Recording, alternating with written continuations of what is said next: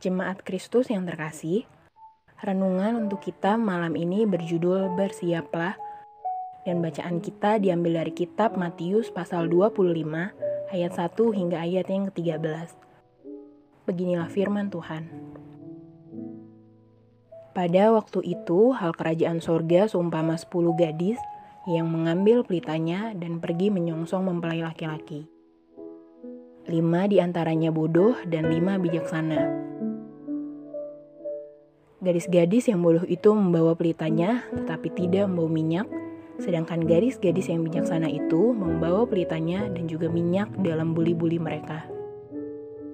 Tetapi, karena mempelai itu lama tidak datang-datang juga, mengantuklah mereka semua lalu tertidur. Waktu tengah malam, terdengarlah suara orang berseru. Mempelai datang, songsonglah dia. Gadis-gadis itu pun bangun semuanya, lalu membereskan pelita mereka. Gadis-gadis yang bodoh berkata kepada gadis-gadis yang bijaksana, Berikanlah kami sedikit dari minyakmu itu, sebab pelita kami hampir padam. Tetapi jawab gadis-gadis yang bijaksana itu, Tidak, nanti tidak cukup untuk kami dan untuk kamu. Lebih baik kamu pergi kepada penjual minyak dan beli di situ. Akan tetapi, waktu mereka sedang pergi untuk membelinya, datanglah mempelai itu dan mereka yang telah siap sedia masuk bersama-sama dengan dia ke ruang perjamuan kawin. Lalu pintu ditutup. Kemudian datang juga gadis-gadis yang lain itu dan berkata, Tuan, Tuan, bukakanlah kami pintu. Tapi ia menjawab, Aku berkata kepadamu, sesungguhnya aku tidak mengenal kamu. Karena itu, berjaga-jagalah, sebab kamu tidak tahu akan hari maupun akan saatnya. Kita tentu punya kenangan tentang para guru yang pernah mengajar kita di sekolah. Sebagian guru biasanya memberitahu apabila hendak mengadakan ulangan. Namun, ada juga sebagian guru yang lebih suka mengadakan ulangan mendadak tanpa pemberitahuan. Bagi siswa yang tak pernah berkonsentrasi saat guru memberikan pelajaran atau hanya belajar pada jam-jam menjelang ulangan, maka ketika berhadapan dengan guru tipe kedua, dijamin ia akan mendapat nilai buruk.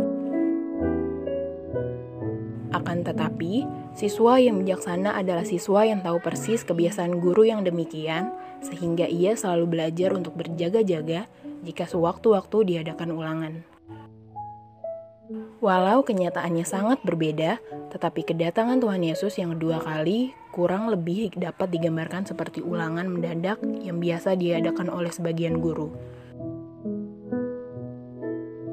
Tuhan kita, dalam hikmatnya yang besar, telah dan akan memberikan tanda-tanda menjelang kedatangannya yang kedua kali. Namun, kapan waktunya tidak dia sampaikan secara persis.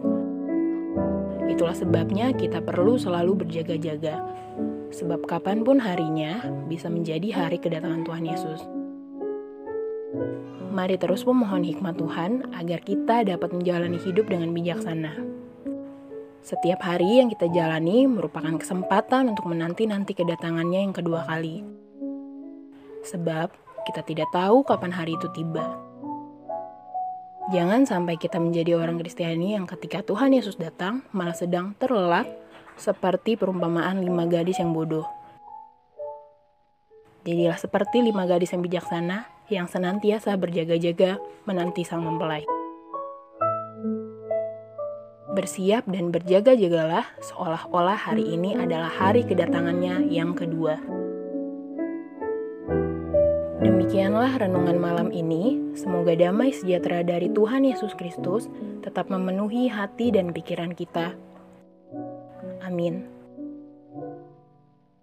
Jemaat yang terkasih, mari kita bersatu hati menaikkan pokok-pokok doa yang ada dalam gerakan doa 21 GKI Sarua Indah. Mari berdoa.